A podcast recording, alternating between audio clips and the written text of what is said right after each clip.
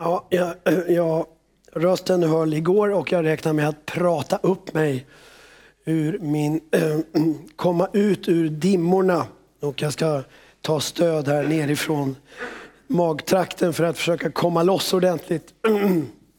Det blir lite bättre om man gör så.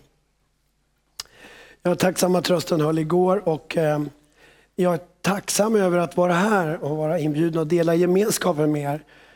Verkligen det känns så inspirerande och glädjande att, att liksom möta er och engagemanget i den här gemenskapen. Jag blir verkligen glad i hjärtat över att se allt det goda ni är och gör. Verkligen. Så det är en förmån att vara här. Verkligen. Jag berättade igår om, om, om det här med nyandligt sökande som jag har försökt att förstå mig på sen i slutet av 70-talet och följt utvecklingen. Och jag har ju arbetat med frågor om det som händer i samhälle och samtid eh, i, i, inom inte bara ramarna för undervisningen på högskolan utan också inom Forum för tro och samhälle. Eh, och jag har, brukar vanligtvis ha med tidningar och vifta med nod och göra reklam och vara som en ren kolportör. Men jag har för, för, för lite packning idag och eh, så jag vill bara liksom säga ta gärna en koll på den här tidskriften. Den försöker orientera om det som sker i samtiden. Dagen har ansvaret för den nu eh, sedan två år tillbaka. Eh, och, och, en av de viktiga sakerna som sker i samtiden är det här andliga sökandet och intresset som jag eh, sysslat med, fördjupat mig i. och eh, det är klart, det är en otrolig utmaning att, att tro på det som står i den här boken. Det här är inget sån där Billy Grahams värld utan en liten rese, rese, resebibel. Men det står samma saker. Johannes 14 och 6.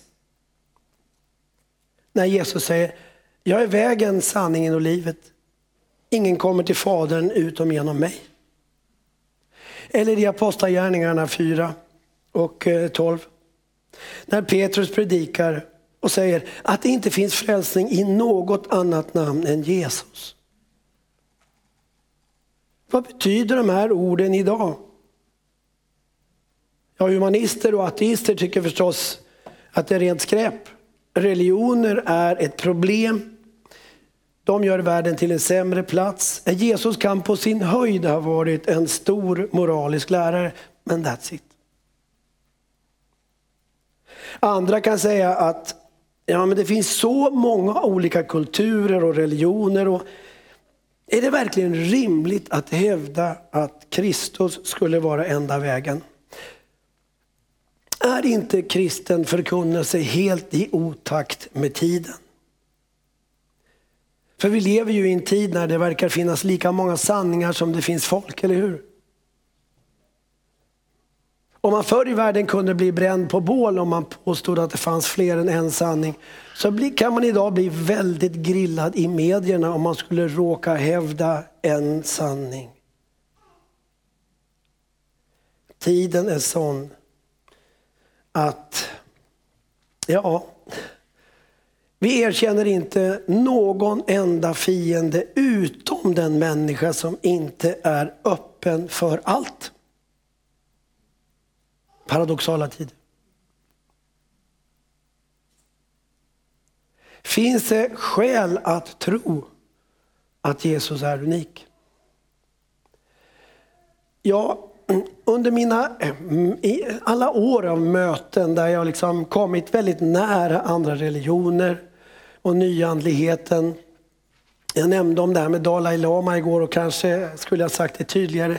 Men, men, men alltså jag hade ju möjligheten att möta tibetanbuddhismens ledande män under en veckas tid för en hel del år sedan. Sitta och prata om kristen tro och buddhism. Vara hemma hos Dalai Lama en eftermiddag, en fredag eftermiddag och prata om kristen tro och buddhism. Eller, eller sitta och samtala med några av hinduismens allra största gurus och ställa de här frågorna som är utmanande och möta många sökare. Och folk har tänkt att den här killen han, Han lever riskfyllt. Han kommer att råka illa ut. Han kommer att tappa tron. Det har de tänkt. Men ju mer jag har mött andra åskådningar, ju starkare har min övertygelse blivit om att Jesus är helt unik. Alltså, Kristus är verkligen ett, ett, ett, ett, ett enastående, en enastående person och kristendomen är verkligen någonting som håller för en prövning. Va? Den håller för mötet med andra åskådningar, den håller för verklighetens påfrestningar. Och några av de konturer som tecknat sig liksom under åren är följande som svar på frågan varför just Jesus? Är den kristna tron unik? För det första, kristendomen är unik för att den har ett, en förankring i historien, i tid och rum. Förankringen i historien, i tiden och rummet. Jesus han träder in på historiens scen med, som en person med ett särskilt budskap som folk utmanas av. Det är inte många som egentligen förstår vad han säger. Inte ens lärjungarna, de verkar ofta ganska korkade. Jesus har ett uppdrag men det stämmer inte in på de förväntningar som folk har i den här tiden. Jesus dör och uppstår. Två saker som går på tvärs mot de förväntningar som fanns i den här tiden. Och alltså det är, de här människorna blir verkligen övertygade om att deras tvivel eh, egentligen inte håller. Jesu förutsägelser om vem han är och vad han kommer att göra, som de tvivlar på, bekräftas genom konkreta händelser i tid och rum. Som vänder upp och ner på hela deras föreställningsvärld. Han dör och uppstår på tvärs mot alla förväntningar. Och berättelserna om det här skrivs ned medan många människor som känt honom och vandrat med honom fortfarande är i livet. Och kan vittna om att de mött den uppståndne efter att alla deras förväntningar har blivit grusade, slagna till spillror. Det är inte bara skickligt hopdiktade lögner detta. Och det är inte många år mellan händelser och nedtecknande av de här berättelserna. Vi kan jämföra med en annan religiös lärare, Buddha exempelvis. Det skiljer runt 400 år mellan det faktum att han träder fram och förkunnar och att det sedan skrivs ned. Och det är så mycket som har lagts till, säger forskarna, så att vi har ingen aning om vad Buddha egentligen kan ha sagt. Det har lagrats på så väldigt mycket när det gäller Nya Testamentet så börjar de första texterna skrivas väldigt tidigt. Redan inom 10, 12, 13 år så börjar det skrivas ner. Och det viktiga här det är att Jesus påstår sig vara en särskild person med en särskild kallelse och att det bekräftas genom händelser i tiden. Och det finns en slags tillförlitlighet helt enkelt därför att frälsningsdramat utspelar sig i historien. Tron är inte bara en känsla, den är förankrad i tid och rum. Och det är inte bara myter och moraliska regler som i andra religioner. Exempelvis ta Buddha. Innan han ska till att dö så kallar han sina närmaste till sig och ger dem de sista instruktionerna. Kom ihåg de här etiska riktlinjerna. Det är etiken som är det viktiga. De etiska principerna. Hinduismen är en religion som är full av fantastiska berättelser.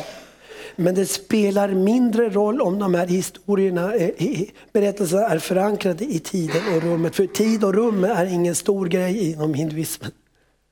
Och idag så, så har det sedan ganska länge funnits en slags mytväckelse.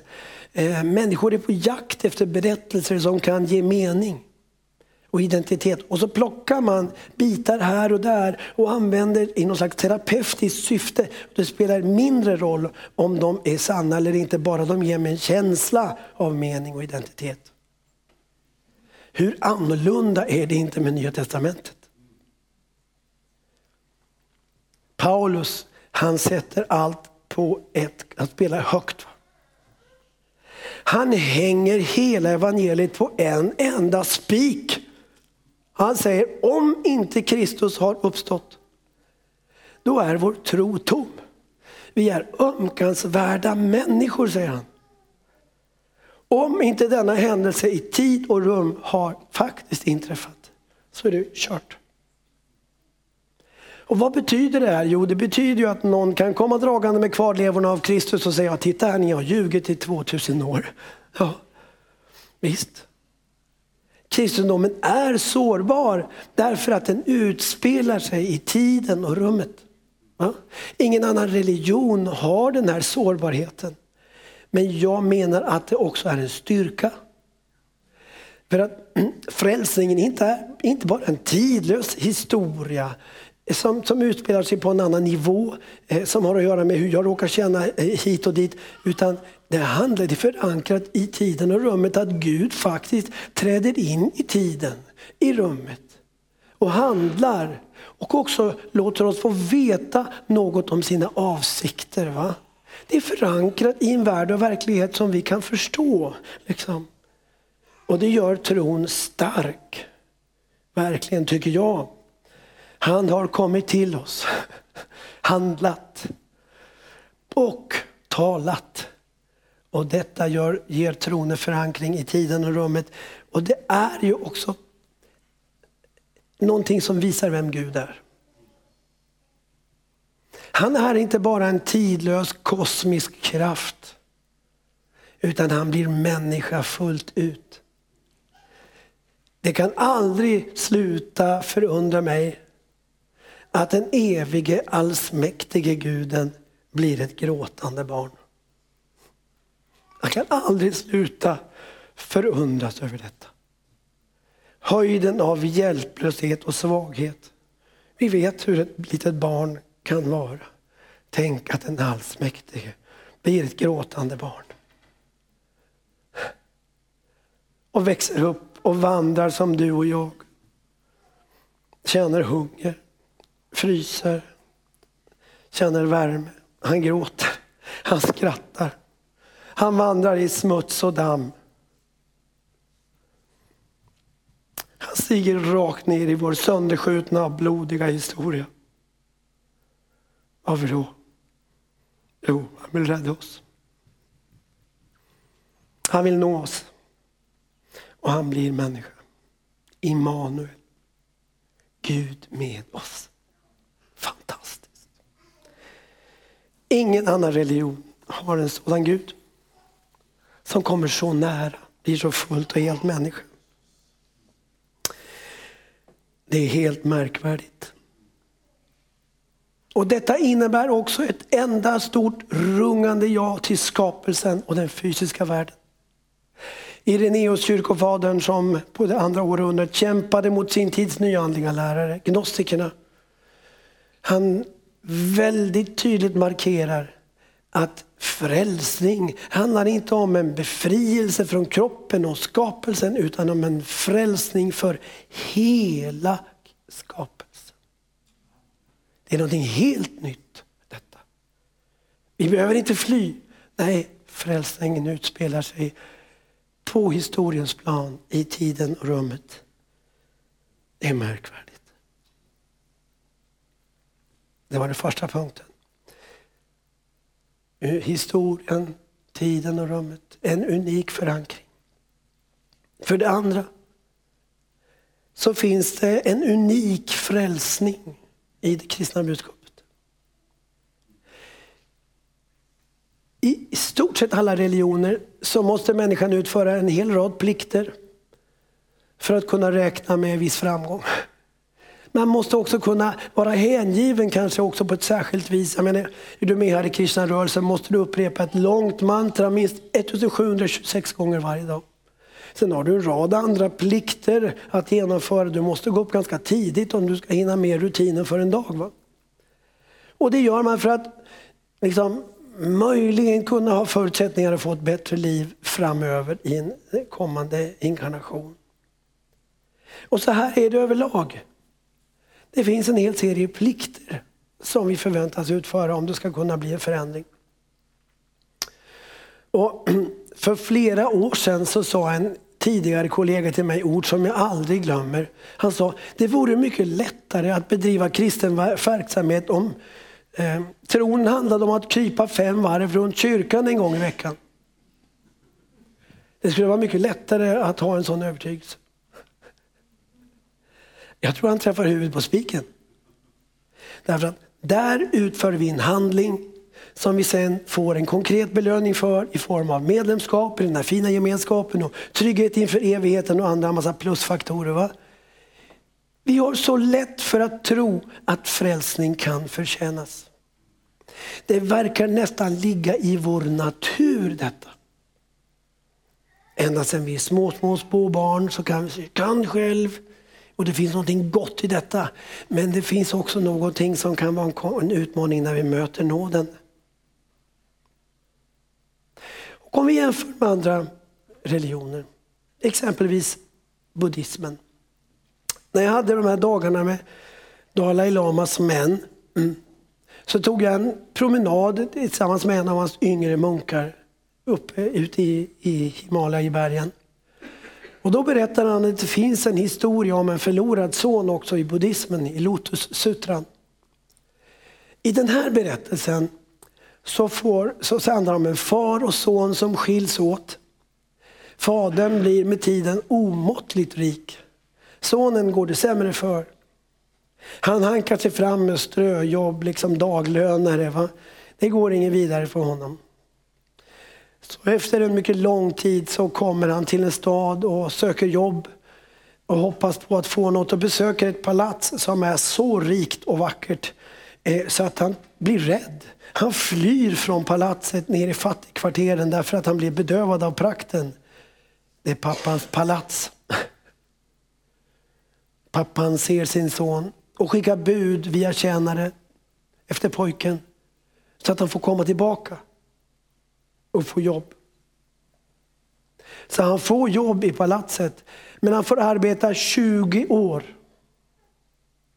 innan han kan träda in i sin verkliga identitet som son. I buddhismen blir det här en poäng. Vi är inte mogna för att ta emot alla sanningar.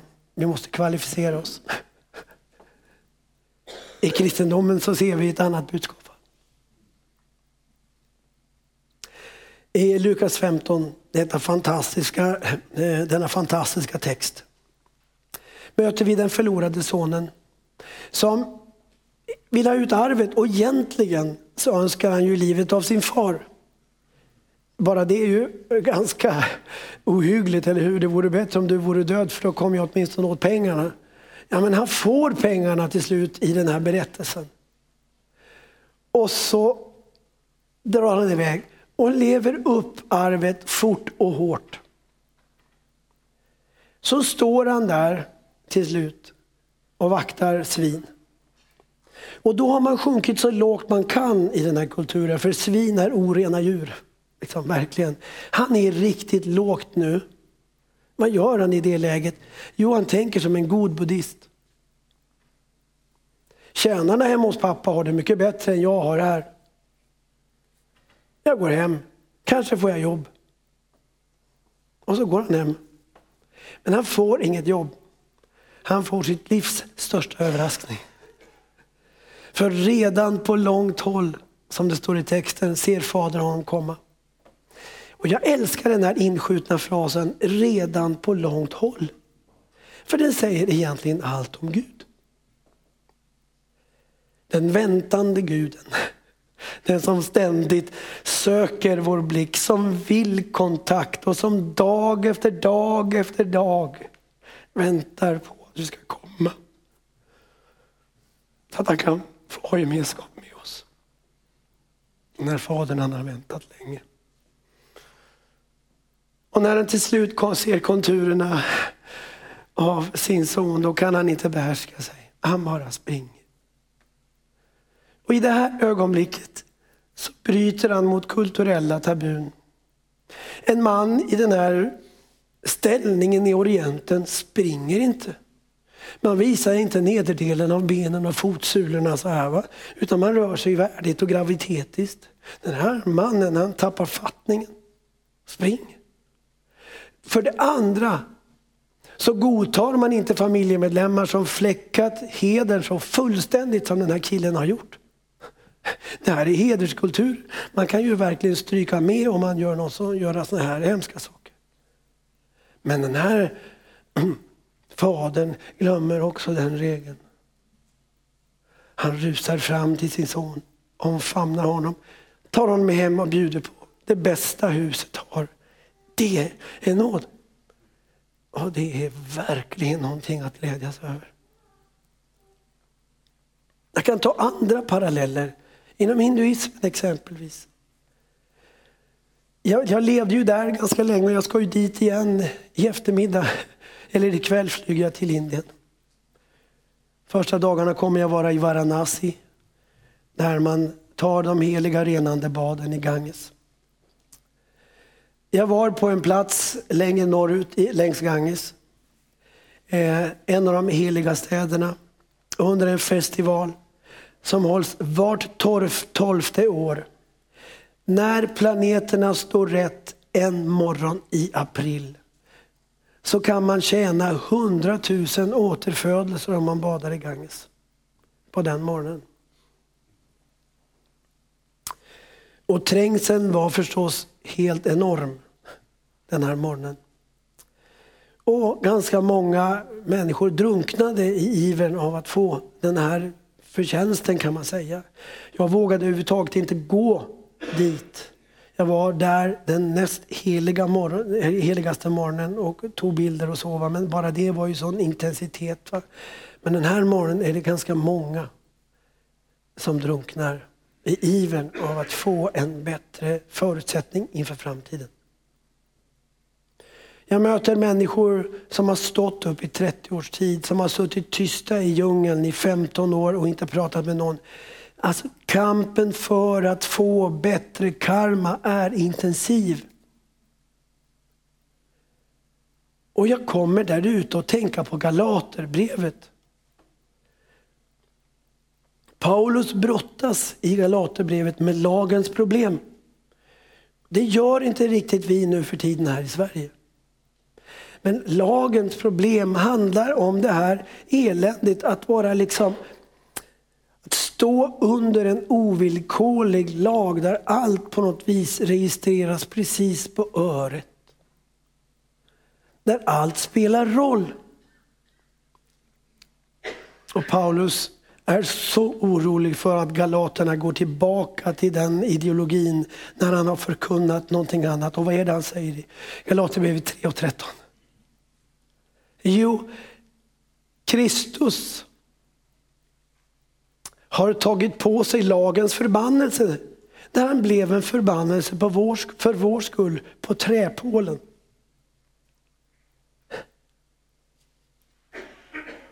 Vad betyder det?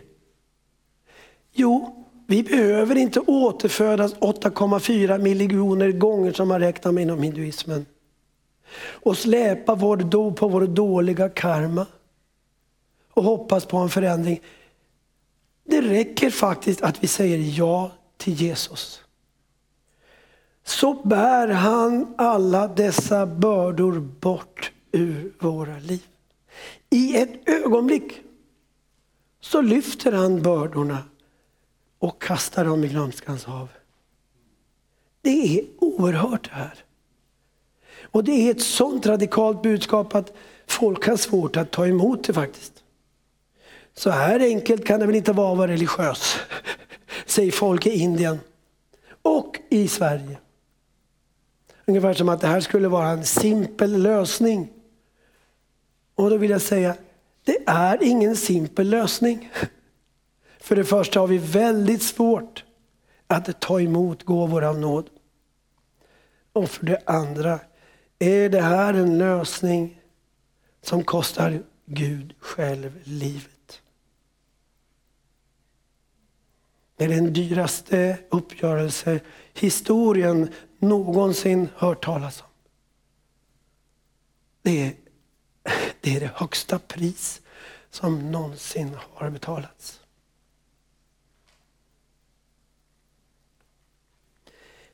I kyrkan kan vi ibland vara lite som människor som bor i en vacker bygd. Vi vänjer oss vid den här vackra sluttningen ner mot sjön och det blånande berget är lite på avstånd. Och så kommer det en annan besökare utifrån och säger, men så vackert det vore. Ja, visst, det är så här det är. Visst, ingenting att jaga upp sig över. Ni fattar. Det är ungefär som att vi vänjer oss vid nådens utsikt. Va? Vi tar det bara för självklart. Och tänker att, ja, ja. Det är som Sartre säger, Jean-Paul Sartre, eh, det är Guds jobb att förlåta. Nej, det är inte Guds jobb att förlåta. I någon religion. Nej. Vi kan inte räkna med nåden som en självklarhet. Vi har fått ta emot nåden som en gåva via Kristus på korset och evangeliet. Och det är någonting unikt, någonting helt speciellt. Och vi måste tala om den, förkunna den, sjunga om den mer och mer och mer. Speciellt i en tid som vår när det är poäng precis på allt. Och folk knäcker ihop av alla prestationskrav. Nåden är unik. Det var den andra punkten. Den tredje punkten handlar om att vi i evangeliet får ett unikt avslöjande av Guds natur. På två sätt. För det första, Gud är inte den här kosmiska diffusa kraften som vi pratade om igår, lite stjärnornas krig, the force och så vidare. Den här kraften som är opersonlig eller bortom gott och ont. Nej, Gud är någon annan i evangelierna. Han är personlig och gemenskap. Vad menar jag med det? Jo, han är Fadern. Verkligen. Som väntar på sin son där, som väntar på dig och mig ständigt och jämt. Som vill mötet ansikte mot ansikte, den här förtroliga gemenskapen. Verkligen. Men han är inte bara fader, han har också son och ande. En gemenskap och det är detta som är så märkvärdigt. Gud är en gemenskap. Fader, son och ande har av evighet en kärleksrelation. Det pulserar ett flöde av liv i den treenige guden. Alltså tillvarons yttersta fästpunkt är inte den kalla yttersta principen utan den glödheta kärleksrelationen. Alltså det pulserar ett flöde djupast i världen. Och du och jag blir inbjudna att smaka detta flöde av kärlek. En vanlig vardag i Ängelholm eller var vi nu än är. Kan vi via anden dras in i detta kärleksflöde som är Gud. Och känna det något något av detta i vårt inre. Vi är delaktiga i det liv som uppehåller universum. Det är inte den kalla kraften, det är den varma kärleken som flödar djupast i världen. Unik bild av Gud. Personlig gemenskap. Men Gud är unik så tillvida att han också väljer sida. Gud är inte både god och ond eller varken eller. Han går in i närkamp med det onda och vi ser det som tydligast på korset. Hit, Gud säger stopp och belägg, hit men inte längre, nu får det vara nog. Och vi märker att den helige guden går under i kampen mot det onda. Gud väljer sida. Och Det här har en enorm betydelse för oss. Jag kan bara jämföra med, med liksom Swami Krishnananda som jag satt och talade med många gånger vid hans, utanför hans dörr på det stora ashramet i Rishikesh. Jag ställde frågor i stil med, hur kan du prata om gott och ont som du gör när du har en Gud som är varken eller? Liksom. Och han säger att, förstås, ja, men du har inte fattat det här. Det finns en skillnad mellan, mellan andligt gott och uh, socialt gott. På det sociala planet måste, så måste vi använda oss av begrepp som gott och ont, men på det andliga planet är, är Gud bortom allt sånt. I kristendomen så ser vi inte den här uppdelningen. Gud är inte bara helhet, han är helighet. Och han utmanar oss att välja sida i vardagen. Han vill att vi ska leva heligt och rättfärdigt därför att han själv är helig och rättfärdig. Ni ser, här finns en bas för etiken, våra val i vardagen. Men det här är långt mer än bara en etisk utgångspunkt.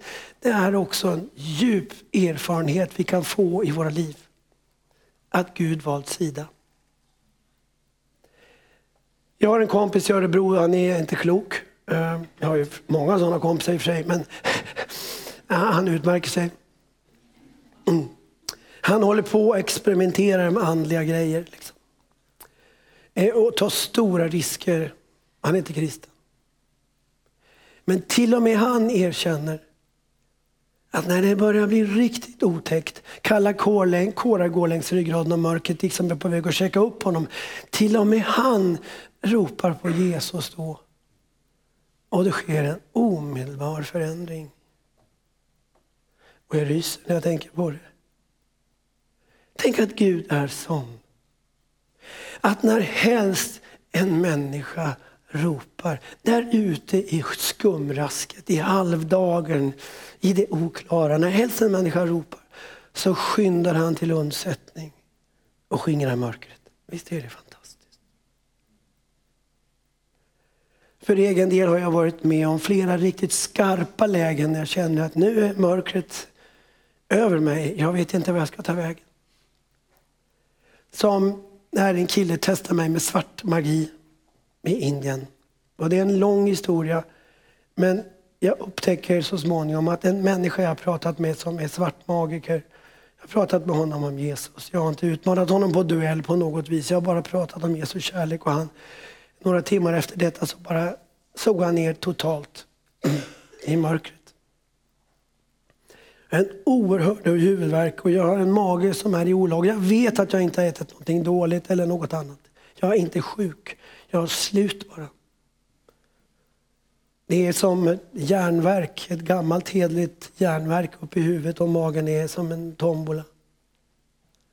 Och jag lever liksom i det här mörkret i två dygn och försöker att be, men det är, händer ingenting. Det är som jag liksom säger i Jesu namn och så vidare, men det är som att släppa torra ärtor i en plåtburk brukar jag säga. Bara bläpp, bläpp, det är liksom ingen övrig respons, det händer inte ett smack. Och så sitter jag en söndagkväll på en bänk nere vid floden Ganges och säger helt utan auktoritet i min djupaste maktlöshet och mesighet. Tack kära Jesus att du har segrat över alla onda makter. Och då är det som om någon trycker på strömbrytaren i ett kolmörkt rum. Hela mitt inre badar plötsligt i ljus. Ett nästan bedövande ljus. Och jag sitter där länge, länge, länge på bänken i det här ljuset. Innan jag går bort till min kompis som sitter en bra bit bort och pratar med några ryggsäcksmänniskor på ett café. Och de säger, vad är det som har hänt med dig? Du ser så förändrad ut. Ja, vad var det som hände på bänken? Jo, jag tror att i de här ögonblicken fick smaka lite, lite av vad, som, vad korset handlar om. För på korset så tror verkligen ondskans makter att de har liksom greppet över utvecklingen. Att de liksom har Kristus under klacken så här, det är bara att trycka till och sen är det klart. Första Korinthierbrevet 2 och 8 antyder detta. Makterna är ganska segersäkra, för de vet inte att det finns någon annan väg än maktens väg. Men då ser vi på korset att det finns en annan väg. Det är kärlekens väg. Den kärlek som är så oändlig, står att den inte bara uthärdar lidandet utan går ända in i döden. Och I mötet med denna väldiga kärlek så blir makterna vanmäktiga. De, de viker, de har, förstår inte det här, de är maktlösa. Och det är det jag får smaka lite av där jag sitter. På korset visade sig att Gud är universums starkaste kraft, den lidande kärleken är stark, universums starkaste kraft. Det är ju inte vilket ombud som helst som sitter där på korset. va? Nej, det är den levande helige guden som i de här ögonblicken får smaka vårt kompakta mörker. Han blir ett svart hål av ondska. Den helige. Och får smaka den här smärtan och går in i döden. Det är ett ohyggligt lidande och han gör det för vår skull. På grund av sin ofattliga, omätliga kärlek. Ingen annan Gud har sår, säger diktaren. Och så är det. Det finns ingen annan Gud som gått så djupt ned i tillvarons mörker för att rädda oss. Han gör det för att han älskar oss. Och det är unikt, det vi har att berätta. Verkligen, vi behöver inte blygas över tron, över evangeliet, utan tvärtom. Vi har någonting att berätta som är unikt. Men när vi berättar det så får vi också göra det i ödmjukhet. Som Gud själv som kommer underifrån. Han tvättar lärjungarnas fötter. Märkvärdigt. Tjänaren. Det som en gång kommer, det som föremålet för evig tillbedjan i den himmelska gudstjänsten. Det är lammet som blev slaktat. Det är det djupaste mysteriet.